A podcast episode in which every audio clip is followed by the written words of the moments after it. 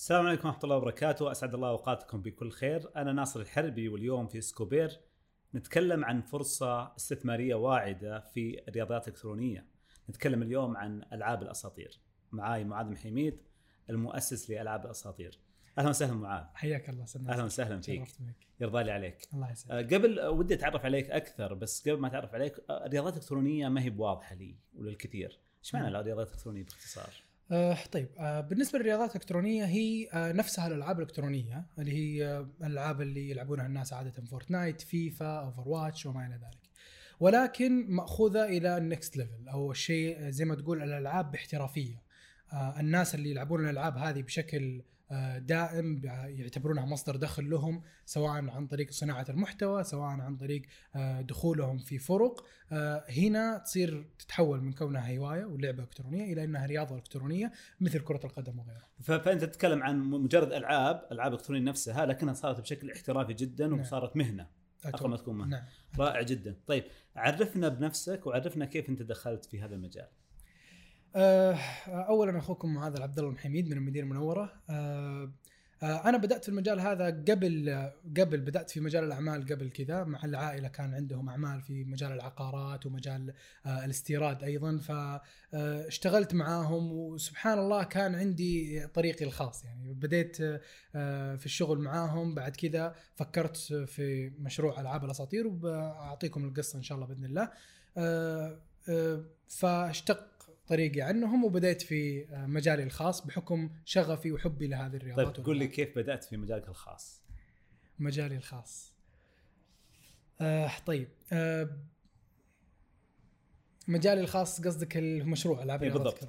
طيب آه ألعاب الأساطير بدأ يوم آه سافرت أنا من المدينة المنورة إلى مكان ثاني وكان آه طبعا أجهزة الألعاب اللي يتكلم عنها مي الأجهزة العادية أجهزة احترافية فجهاز كبير وصعب إنك تأخذه معاك لما تسافر. فلما سافرت شفت أصحابي كلهم يلعبون في بيوتهم وقلت لهم يلا نطلع خلينا نروح مكان. بس ما كان عندهم آه، آه، يعني ما كان عندهم مكان نقدر نروح له ونلعب مع بعض ونتعرف على ناس نفس شغفنا نفس آه، الألعاب اللي إحنا نلعبها. ما كان في أماكن متخصصة يعني. فمن هنا جتني الفكرة. قلت ليش ما يكون في صالات؟ ليش ما يكون في أماكن؟ يعني نقدر نقدر إننا نلعب فيها ونتعرف على بعض ونسوي بطولات نشارك نسوي community خاص فينا خاص في ال gamers ففعلا رجعت المدينة المنورة وبدأت التفكير في المشروع بشكل جدي. آه، بدأت أسوي دراسة جدوى بدأت آه، أتكلم مع المستثمرين. آه، تكلمنا مع كثير من المستثمرين بس كانت عندنا صعوبة في الحصول على المستثمرين بحكم عدم خبرتنا في المجال إنه أول صالة. جميل فأنت ك gamer لما انتقلت من مدينة إلى أخرى فكنت تبغى تلعب ما حصلت المكان المناسب للألعاب هذا نعم. ولد عندك فكرة المشروع نعم رائع جدا فرجعت المدينة بدأت تدرس الموضوع إنه ليش ما يبدأ مشروع تجاري في هذا المجال نعم عام كم تقريبا إحنا نتكلم آه، بدأ المشروع عام 2018 ولكن تم افتتاحه بشكل كامل على نهايات 2018 بداية 2019 أوه. فأخذت سنة كاملة في تقريبا المشروع. سنة كاملة نعم. إيش أبرز المش... المشكلات اللي واجهتها في في تأسيس المشروع؟ أه، واجهتنا مشاكل كثير صراحة بحكم إنه هذا أول مشروع من نوعه إحنا نقوم فيه فبالتالي أه، كان من ضمنها صعوبة الحصول على المستثمرين. مشروع مثل هذا يحتاج رأس مال خصوصا بغلاء الأجهزة. أه، ولكن اللهم لك الحمد بعد جمع الاستثمار. برضو واجهتنا مشكلة في عدم توفر المنتجات. المنتجات اللي إحنا كنا نبغاها كانت غير متوفرة في المملكة العربية السعودية. وإذا كانت متوفرة في بعضها كان متوفر لكن كانت جدا غالية. فاضطرينا نخرج برا ونستورد ال- ال- الأجهزة من برا. بس للأسف مرت عليها مشاكل في موضوع الاستيراد وقعدت تقريبا أربعة إلى خمسة أشهر على بال ما تجينا. بعد كذا برضو مرت في عندنا مشاكل في موضوع الافتتاح كان عندنا صعوبة إيجاد المكان المناسب كان عندنا شروط معينة في المكان لابد أنه يكون فيه له ألياف بصرية وإذا لقينا ألياف بصرية لابد أنه يكون فيه له مواقف سيارات كثير آه، فكان في عندنا شروط معينة في في الموقع فاضطرينا أن نبحث فترة طويلة لين لقينا المكان وبعد كذا سبحان الله حتى بعد ما وجدنا المكان واتفقنا مع آه، شركات الاتصال إنه إحنا يكون عندنا الياف بصريه في ذاك المكان موجودة وجاهزة. لكن سبحان الله ذاك الموقع اللي طبينا فيه وخلاص وقعنا عقد الاستئجار بعد ما وقعنا مع الـ STC. أو موبايلي ذيك الفترة أتوقع آه، صار فيه آه، مشكلة بين الـ STC وموبايلي مين المسؤول عن ذيك المنطقة أها. فصار عندنا كبينة الـ STC ألياف وكبينة موبايلي ألياف ولا واحد منهم قادر يعطينا آه. آه، الين ما يحلون المشكلة اللي بينهم أنا ظنيت شيء كويس آه، أنا في البداية توقعت إنه شيء. كويس ولكن آه، أتوقع إنهم مقسمينها بطريقة معينة فكنا نقول لهم واحد منكم يفعل ويعطينا بس للأسف قعدنا تقريبا فترة سبعة أشهر مع المشاكل هذه كلها حتى نقدر نفتح آه، أول افتتاح آه ولذلك أنتم بدأتوا تقريبا على اواخر 2018 باواخر 2018 بداية 2019 فبداية تقريباً. بداية اواخر 2018 كصالة ألعاب أو رياضات إلكترونية أيوه نعم ممتاز صحيح. كيف صار الافتتاح؟ آه طيب بالنسبة للافتتاح آه، إحنا بعد ما تأخرت موضوع الصالة بدينا في أشياء جانبية حتى نقدر نعوض يعني بما إنه رأس المال موجود والبضاعة موجودة. فبدينا فقط في موضوع المنتجات فصرنا نجيب المنتجات آه، حقت الألعاب الاحترافية مثل سماعات كيبوردات ماوسات آه، طبعا بحكم خبرة العائلة في الاستيراد فصنعنا منتجات خاصة فينا بال brand حقنا وبدينا نبيعها. بالإضافة إلى إنه الكوسبلاي السيف حق الشخصية الفلانية فكنا نبيع الأشياء اللي يهتمون فيها مجتمع ال gamers. ففعلا بدينا يعني نشوف زي ما تقول جمهور جدا كبير على هذا الموضوع وهذه المنتجات بدأت تعرفكم على الجمهور وبدأ في شوية دخل يجي على هذا نعم بس السؤال الشخصي هنا هل فعلا في سوق على هذه المنتجات؟ يعني سيف وكيبورد وغيره؟ أه تتفاجأ تتفاجأ صحيح. بحكم عدم وجود الكثير من المشاريع اللي متخصصه في هذا الشيء خصوصا وقت آه، 2018 كان لسه الناس ما هم موجودين في التجارة الإلكترونية بشكل كبير فكان جدا نادر إنك أنت تلقى المحل هذا. كانوا يجون الناس يقعدون بالساعات في المحل مع إنه تقريبا خمسة في خمسة المحل صغير مرة. لكن آه، كانوا يجون بس عشان يتفرجون على السيف ويجربون ومدري ويشتري له ميدالية ميداليتين ويطلع. فكان الجو اللي هناك جدا آه، شوف من أقوى نقاط المز... أو من من مزايا مشروعكم إنكم أنتم ما تتكلمون عن حاجة. تتكلمون تبيعون جالس تبيعون رغبة. والرغبة آه، الإنسان يصرف فيها أكثر أكثر من الحاجة يعني. فهذه ميزة كبيرة. طيب بدأتم تبيعون منتجات المتعلقة بالألعاب. متى بدأت تبيعوا أو تأجروا الأجهزة والصاله جاهزة؟ آه، طبعا آه، في آه، ذاك الوقت بدينا في نهاية عام 2018 دخلنا في مسرعة بزنس هاب للأعمال. آه، فاز اللهم لك الحمد وأنتم جالسين. تاسسون وإحنا لسه ما فتحنا الصالة فتحنا فقط اللي هو المبيعات حقتنا. ففاز المشروع اللهم لك الحمد بالمركز الثالث كأفضل مشروع آه، ناشئ في المدينة المنورة. بعد كذا فتحت لنا أبواب شراكات مع أشخاص ثانيين وسرعوا لنا عملية آه، افتتاح الصالة في. STC والحمد لله. آه، ففتحنا الصالة على بداية 2019 آه، جميل. تقريبا اللهم لك الحمد. الافتتاح كان بداية الافتتاح قلنا نبغى شيء كبير. الناس ينتظرونا من سنة تقريبا. الناس اللي كانوا يجون المحل متى تفتح متى تفتح. الصالة اللي فوق متى تفتح. فبدينا ببطوله أول ما بدينا فيه بطولة. فجبنا طبعا مجموعة آه، فرق وأعلنا عن الموضوع عند مشاهير وكذا. آه، كانت شيء يعني فوق فوق التوقعات بكثير جدا. يعني إحنا مجرد أعلنا عند المشاهير حتى ميزانيه الاعلان كانت يمكن 3000 3500 بحكم إنه لنا سنة الحين وإحنا. قاعدين نحفر. فأتوقع إنه آه، كان صدمة جدا كبيرة عدد الحضور وعدد الفرق اللي جات. جونا من القصيم من جدة من الرياض. جو سافروا بس عشان يشاركون في البطوله بالشكل. أي نعم. لا وال وال والادهى والأمر جبنا ناس يصورون عشان يغ- يغطون ال ال البطولة.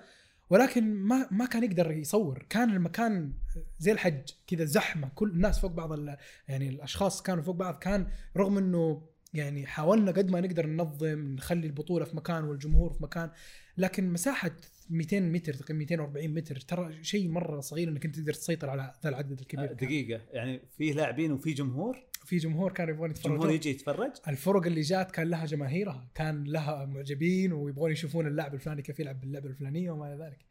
فكان okay آه، okay. فإحنا نتكلم عن سوق جدا مختلف يعني. جدا.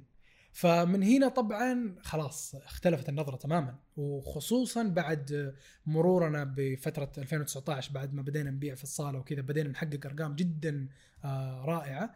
ولكن آه، مرت عندنا مشكلة إنه آه، لا زال الأجهزة يقدر يجيبونها الناس في بيوتهم ولا زال النت بدأ بدأت السي سي تشتغل في ذيك الفترة على إنها توفر الألياف في كل مكان.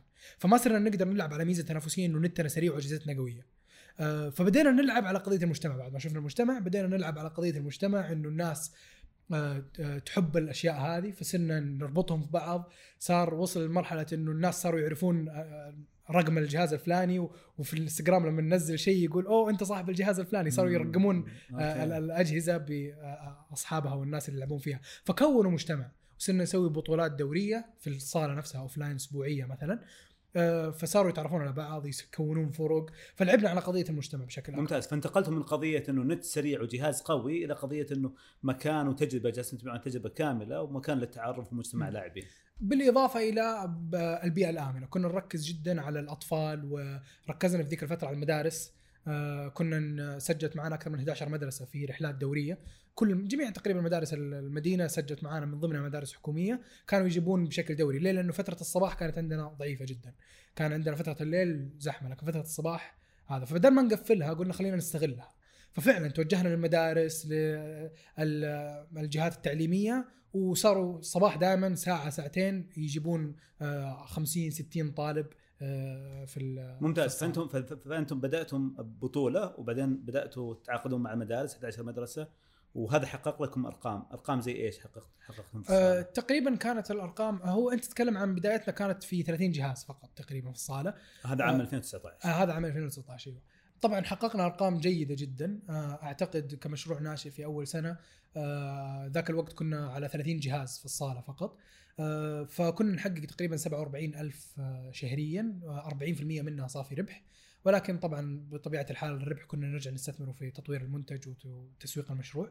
آه، من الأرقام الصادمة جدا اللي آه، فاجأتنا في المجال أو في دخولنا في هذا المجال كان متوسط عدد ساعات الشخص لما يجي عندنا. إحنا كنا يعني نتوقع ان ننافس مراكز الترفيه الأخرى مثل البلياردو وما إلى ذلك. لكن بعد ما شفنا عدد ساعات الشخص إنه يجلس عندنا لا اكتشفنا إنه إحنا صرنا شيء يومي بالنسبة له.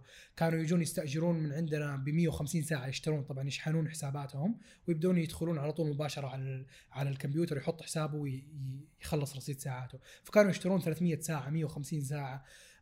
فكان متوسط لعب الشخص عندنا خاصة ال- آه، التوب 40 عندنا كانوا يلعبون بمتوسط أربع ساعات يوميا. آه، فأنت تتكلم عن شخص أربع ساعات يوميا. يوميا. أربع ساعات يوميا كان يجي عندنا. آه، الأمر هل الثاني هل معاذ هل كنت تتوقع هذه الأرقام؟ آه، لا طبعا ما كان في أي أحد يتوقع الأرقام هذه. آه، ولكن سبحان الله دخولك في مجال جديد واعد. آه، أعتقد إنه يفتح لك أبواب ما كان أحد يتوقعها. جميل. ما كان- ف 47 ألف ريال دخل شهري 40% تقريبا ربح صافي آه، يقضوا أربع ساعات يوميا.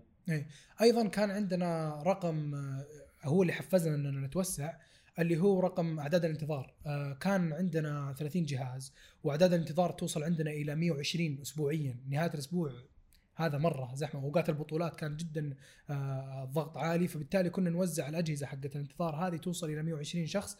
أعداد الانتظار توصل أو وقت الانتظار يوصل إلى ست ساعات يوميا. عشان يوصل دورك. فكانوا الأشخاص يجون من العصر يحجزون عشان يلعبون مع أصحابهم آه، العشاء. فأعتقد هذه من الأرقام اللي خلتنا نتحفز إنه نتوسع يعني. وكذا بدأ اسمكم ينتشر في المدينة. أي نعم. ممتاز. إيش صار بعدها؟ آه بعد كذا دخلنا في مسرعه باب المدينة. آه كان أحد الشركاء المس- المؤسسين آه آه محمد المحمدي الله يرحمه ويغفر له. آه طبعا شاركنا في باب المدينة. كان هو المسؤول عن المسرعة وشاركنا في مسابقة بعد المسرعة وفزنا اللهم لك الحمد بالمركز الثاني كأفضل مشروع ريادي. ومن هناك ترشحنا على آه، بيبان في منشآت. آه، معرض بيبان جاء المدينة وترشحنا في قسم الشركات الناشئة. آه، طبعا فتحت لنا أبواب كثيرة بعد باب المدينة. من ضمنها بيبان في منشآت معرض بيبان في منشآت. تم دعوتنا في قسم الشركات الناشئة. واللهم لك الحمد آه، جو مستثمرين جدا مهتمين في المجال جدا مهتمين في آه، القصة اللي عندنا والمشروع اللي بنيناه. آه، ولكن طبعا واجهتنا مشاكل بعد اتفاقنا مع أحد المستثمرين. كانت أغلب الاتفاقيات خارج المدينة. فبعد استشارة المختصين ومسرعه الأعمال اللي كانت محتضتنا آه، أعتقد خرجنا بقرار إنه خارج المدينة لسنا جاهزين لهذه الخطوة. آه، آه، آه، قعدنا نركز على الأعمال الداخلية على ستاندرد المعين اللي إحنا نمشي عليه. ففتحنا صالة واحدة فقط في المدينة المنورة صالة أخرى في المدينة. ولكن آه، وقتها طبعا آه، بدأت جائحة كورونا وبنفس الوقت آه، توفى أحد المؤسسين اللي هو محمد المحمدي الله يرحمه ويغفر له. فواجهتنا بعض المشاكل دخول كورونا ووفاة أحد المؤسسين. وقتها بدينا نحس إنه لا إحنا ماشيين كمؤسسة. لابد أننا نمشي كشركة ما يعتمد مشروعنا على شخص معين على وجود شخص معين يعتمد على آه، نظام معين على سيستم معين يستطيع أي أحد إنه يقوم بالعمل آه، نيابة عني إذا أنا ما كنت موجود أو نيابة عن أي أحد ثاني. آه، فمن هنا عاد انطلق المشروع انطلاقة جيدة نوعا ما من ناحية الاوبريشن وكذا بعد كذا دخول جائحة كورونا أعتقد أثر على جميع المشاريع الترفيهية وجائحة كورونا أتوقع من أكثر الأشياء أو أكثر المشاريع اللي تأثرت في جائحة كورونا هي المشاريع الترفيهية، لأنه قبل الحجر بشهر أو شهرين تقريبا شهر ونص قفلت المشاريع الترفيهية أو وقع صحيح. عليها الحجر. صحيح. فكانت من من يعني أهم المشاكل اللي مرينا فيها آه، وجود يعني جميع مصادر الدخل اللي إحنا نعتمد عليها كانت موجودة في الصالة وكانت لسه أعمال الصالة الثانية تحت الإنشاء فكان صعب علينا ان إحنا نكمل لا آه، وكمان نعم. اسمكم جالس يطلع تقريبا كملتوا 10 شهور تقريبا بالضبط واسمك جالس يطلع وال... والناس جالس في زخم عليكم والآن جاء كورونا فوقف الدنيا كلها بالضبط حتى آه، الشراكات اللي كانت آه، يعني نطمح إننا آه، نسويها مع بعض ال- الشركات ومع بعض المستثمرين آه، توقفت تماما بسبب كورونا طيب إيش سويتم؟ طبعا إحنا آه، زي كل المشاريع الثانية. بدينا أول شيء في التحول التقني. آه، كانت عندنا منتجات موجودة في الصالة بدينا نبيعها أونلاين. آه، بدينا نفس المجتمع وال community اللي كان عندنا وبنيناه في الصالة بدينا ننقله أونلاين. فكان في برامج زي مثلا برنامج Discord محادثات صوتية خاص بال gamers. آه، بدينا نجيب الناس هناك يتعرفون على بعض. بدينا نسوي لهم بطولات آه، أونلاين. آه، طبعا وقتها تعرفنا على آه، تطبيق هوبلاي آه، لمجتمع الرياضات الإلكترونية والذهنية. آه، أعتقد إنه من أهم الأمور اللي ساعدتنا في التحول التقني هي شراكتنا مع تطبيق هوبلاي في تنظيم البطولات وفي التسويق وفي غيره يعني في التحول التقني بشكل عام. بعد كذا عاد آه، آه، حتى بعد عودتنا إلى ال- آه، إلى الوضع الطبيعي وفتحت الأماكن كان لسه الناس متخوفين وكان لسه علينا إجراءات احترازية آه، تفرض علينا جهاز إيوه وجهاز لا آه، تباعد آه، فبالتالي كانت نصف طاقتنا الاستيعابيه آه، شغالة فقط وكمان الناس لا زالت متخوفة. فبدينا نفكر إنه كيف نستغل الأجهزة اللي موجودة في الصالة آه، كيف نقدر نخليها أونلاين. آه، فمن هنا جات فكرة إنه إحنا نأجر الأجهزة أونلاين. فبدينا أول شيء في موضوع إنه الأجهزة موجودة في الصالة ادخل عليها ولو من جوالك تقدر تلعب آه، الألعاب اللي أنت تبغاها من آه، الكمبيوتر أو اللابتوب وتقدر تشغل اللعبة القوية الفلانية مثلا. اللي ما تقدر تشغلها على الجهاز اللي ما تقدر تشغلها على اللابتوب أو الجوال. آه، بدا المشروع يعني جابت شوية أرقام بدينا موضوع تاجير الأجهزة في البيت. آه، يعني جربنا كذا حل ما مشيت معانا.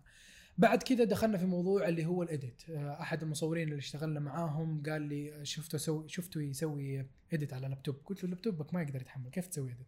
فقال لي لا أنا عندي الكمبيوتر المكتبي حقي القوي في البيت وقاعد أشتغل من هنا. فوقتها جتني فكرة إنه ليش ما. نأجرها على الإديترز واللي. يحتاجون الأجهزة. القوية ففعلا بدينا جابت لنا دخل ولكن آه، ما كان تركيزنا ما كان الفئة كانت تكلفنا تسويق تكلفنا ما كان الشيء اللي إحنا نبغى نوصل له فكانت الأجهزة اللي ما هي مستخدمه مؤرقتنا مرة بعد كذا عاد جيب جانا الحل اللي أتوقع إنه غير مسار ال business بالكامل اللي هو اللي هو موضوع آه، التعدين تعدين العملات الرقمية آه، صرنا نأجر الأجهزة على شركات تستخدمها في تعدين العملات الرقمية. نفس نظام آه، تأجير الأجهزة عندنا. إحنا طبعا الأجهزة تتأجر فبالتالي آه، عندنا نظام فوق وال Windows ما يخليهم يتحكمون بالكمبيوتر يعطي لهم الألعاب اللي موجودة عندنا يدخل اللعبة والبرامج اللي إحنا نسمح له فيها. فنفس هذا البرنامج كان عنده خاصية التعدين آه، خاصية التعدين اللي هو إنه هو يستأجر مننا ال- ال- ال- الأجهزة مقابل آه، شهري. ويعدن فيها. التعدين آه، طبعا عبارة عن آه، تعدين العملات الرقمية. هو عبارة عن تسجيل العمليات الحسابية حقت العملات. ممتاز. يعني آه، أنا لما أشتري عملة إكس فالجهاز يرصد هذه العملية. نعم. ولما آه، آه، عملة X وأشتري عملة Y ال transactions هذه جهازكم يرصدها. جه- جهازنا يرصدها ويسجلها على الشبكة الكل ممتاز. يشوفها. ممتاز. فبالتالي آه، ينقص من المحفظة الفلانية المبلغ الفلاني ويزود في المحفظة الفلانية المبلغ الفلاني. جميل. وأنتم تأجروا الجهاز على على الشركة اللي- فهذا مصدر دخل. هذا مصدر دخل. طيب ما يضر عمر الجهاز؟ آه، إلا بالتأكيد إنه يضر عمر الجهاز. ولكن أنت لما تتكلم عن أجهزة الكمبيوتر مثلا اولا إحنا نطورها بشكل دوري. يعني عندنا قطعه تتغير تتغير مو تتجدد مو تتصلح تتغير بشكل دوري. بالإضافة إلى أنه آه، آه، عندنا عمر الجهاز 8 سنين آه، بسبب التعدين أعتقد سعر أو رأس مال الجهاز يرجع في أقل من سنة 10 مم. شهور إلى 12 شهر فبالتالي إحنا خسرنا صح ثلاث سنين من عمر الجهاز ولكنه جاب رأس ماله وزيادة جاب تقريبا دبل الدخل فقط بسبب تأجيره تأجيرنا للأجهزة. بالنسبة للتكامل بينه وبين الألعاب لما يجي الناس يلعبون على الجهاز. طبعا نفس البرنامج هذا يوفر خدمة تخلي الشخص أول ما يجي يدخل على الجهاز يوقف التعدين مجرد ما يسجل دخول الحساب حقه ويبدأ يلعب يوقف التعدين مجرد ما يسجل خروج من الحساب مباشرة آه، يبدأ آه، يعني الجهاز يعدل. فصرنا كذا يعني استغلينا الطاقة الاستيعابيه بالكامل. إما تعدينا وإما آه، تأجير للألعاب. جميل جدا فانتم وجدتم حلول أثناء كورونا وأثناء ما بعد كورونا نعم. عشان على الأقل تعوضوا الدخل وتحركوا نعم. الأصول اللي عندكم شوية، طيب الآن إيش الخطة المستقبلية لكم؟ طبعا إحنا على أواخر السنة الماضية أو السنة 2021 بدأت الإجراءات الاحترازية تفك شوية شوية. من الأشياء اللي ما ذكرتها موضوع الفرع الثاني. اضطرينا إنه بما إنه نصف الطاقة الاستيعابية هنا ونصف الطاقة الاستيعابية هنا فقلنا ليش ندفع إيجارين ونتحمل تكاليف مرتين؟ فدمجنا أثناء كورونا. أثناء كورونا. مو أثناء كورونا هذه آثار جائحة كورونا بداية سنة 2021 ممتاز. ففعلا دمجنا الصالتين في فرع واحد كبير فصار عندنا تقريبا 60 جهاز. أعتقد إنه من أهم الأشياء اللي آه، اللي خلتنا نبدأ نتوسع بعد آه، قدرتنا على قدرتنا على تاجير الأجهزة لتعديل العملات الرقمية خلتنا نثق زيادة في موضوع الصالات وإننا نتوسع. برضو رجع الزباين بدأوا نفس الأعداد اللي كانت تجينا سابقا. قبل كورونا صارت ترجع. وبدأت تزيد أيضا آه، من ناحية عدد متوسط الزوار اليومي وعدد الساعات اللي يجلسون فيها صاروا يجلسون أكثر. آه، أتوقع وصلت الآن خمس إلى ست ساعات بمتوسط آه، أكثر 30 شخص. فأعتقد هذه الأشياء خلتنا أو حفزتنا إنه إحنا نتوسع. فانتقلنا من المدينة المنورة للرياض. بدينا نتكلم مع مركز دلني طبعا مركز دلني للأعمال كان مجموعة مستشارين مختصين كانوا يعني يدعمون المشروع من وقت كورونا ومن آه، وقت التحول التقني حقنا. فأول شيء اتجهت له هو مركز دلني وأعطيتهم آه، التحديثات الجديدة وقلت لهم إني أنا بتوسع. طبعا الرياض هي العاصمة. أعتقد إنه اللي ما يجي للرياض عشان يتوسع بالشغل حقه يفوته الكثير. آه، في تجربة سويناها يوم انتقلنا للرياض أخذنا صالة رياضات إلكترونية آه، عقد تشغيلي. فجربنا الوضع عشان نختبر السوق قبل لا ندخل إحنا في الرياض. آه، تفاجأت جدا وانصدمت من السوق اللي موجود في الرياض. أنت تتكلم عن مليونين في المدينة 10 مليون في الرياض. القوة الشرائية جدا مختلفة.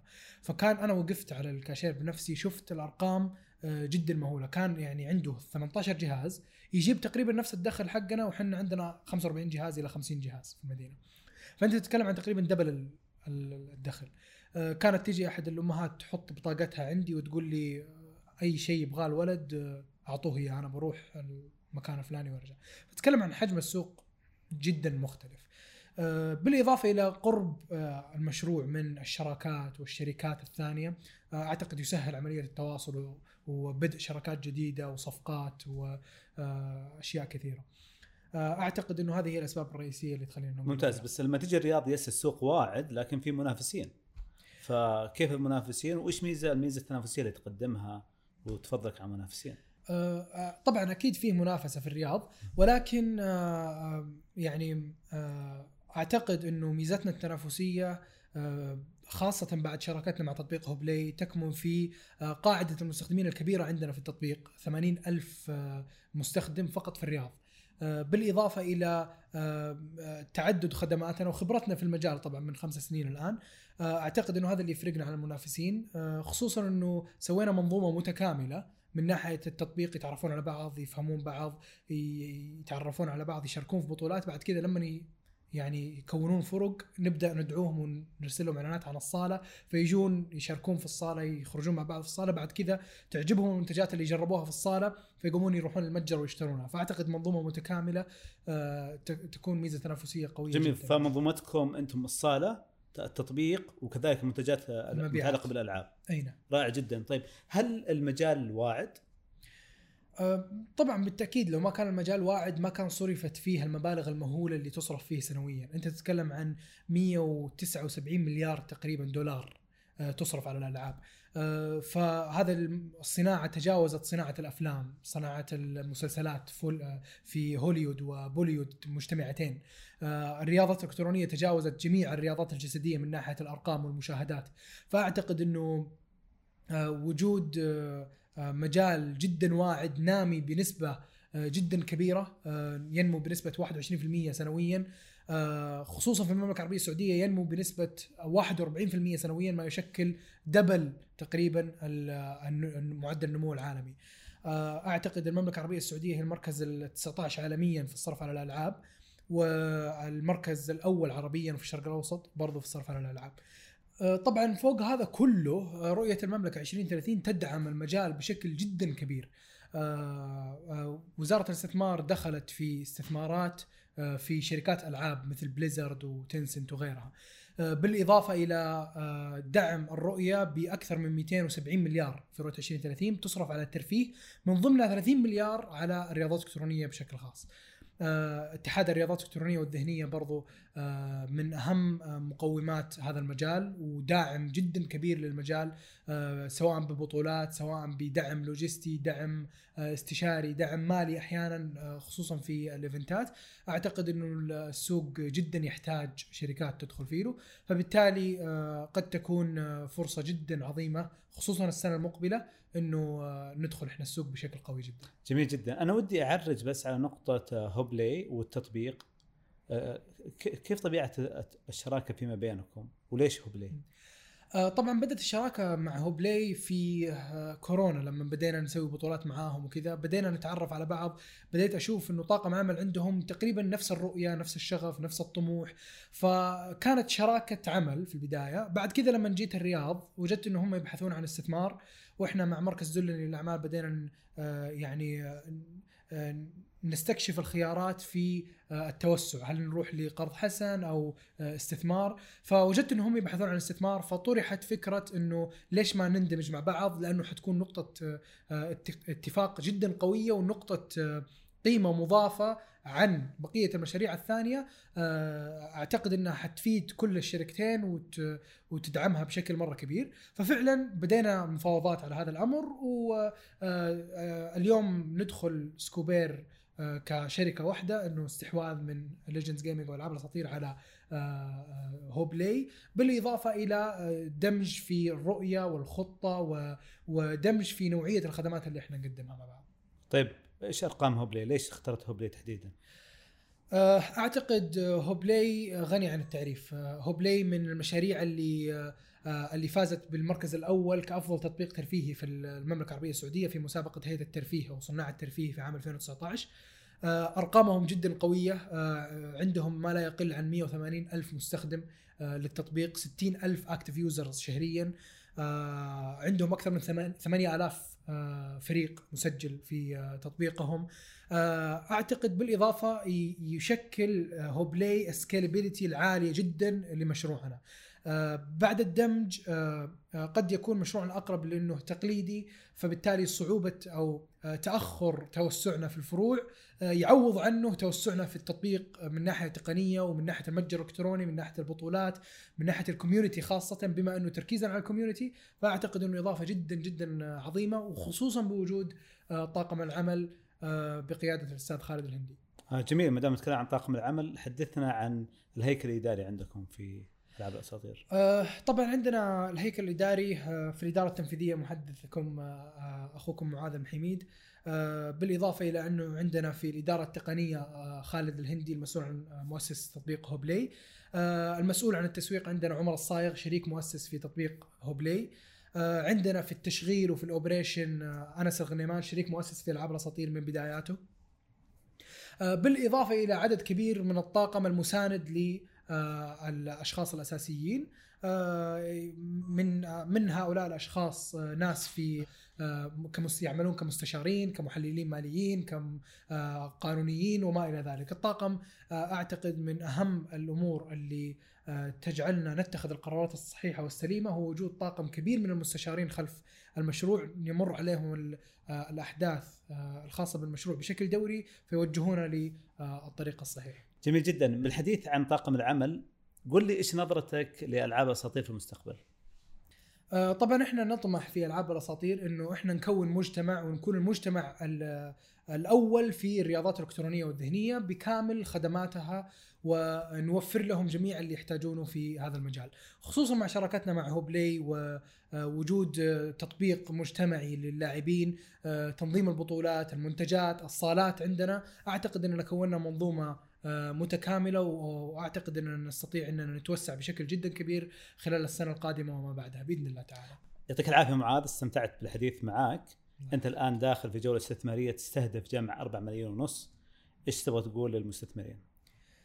آه، أنا أعتقد إنه المجال جدا واعد الأرقام تتحدث. آه، أعتقد المجال جدا واعد طاقم العمل.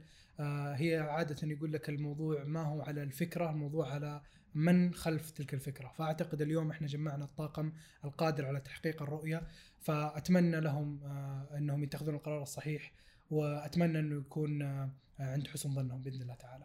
يعطيك العافية. شكرا جزيلا لك وحظ موفق يا رب. جزاك الله خير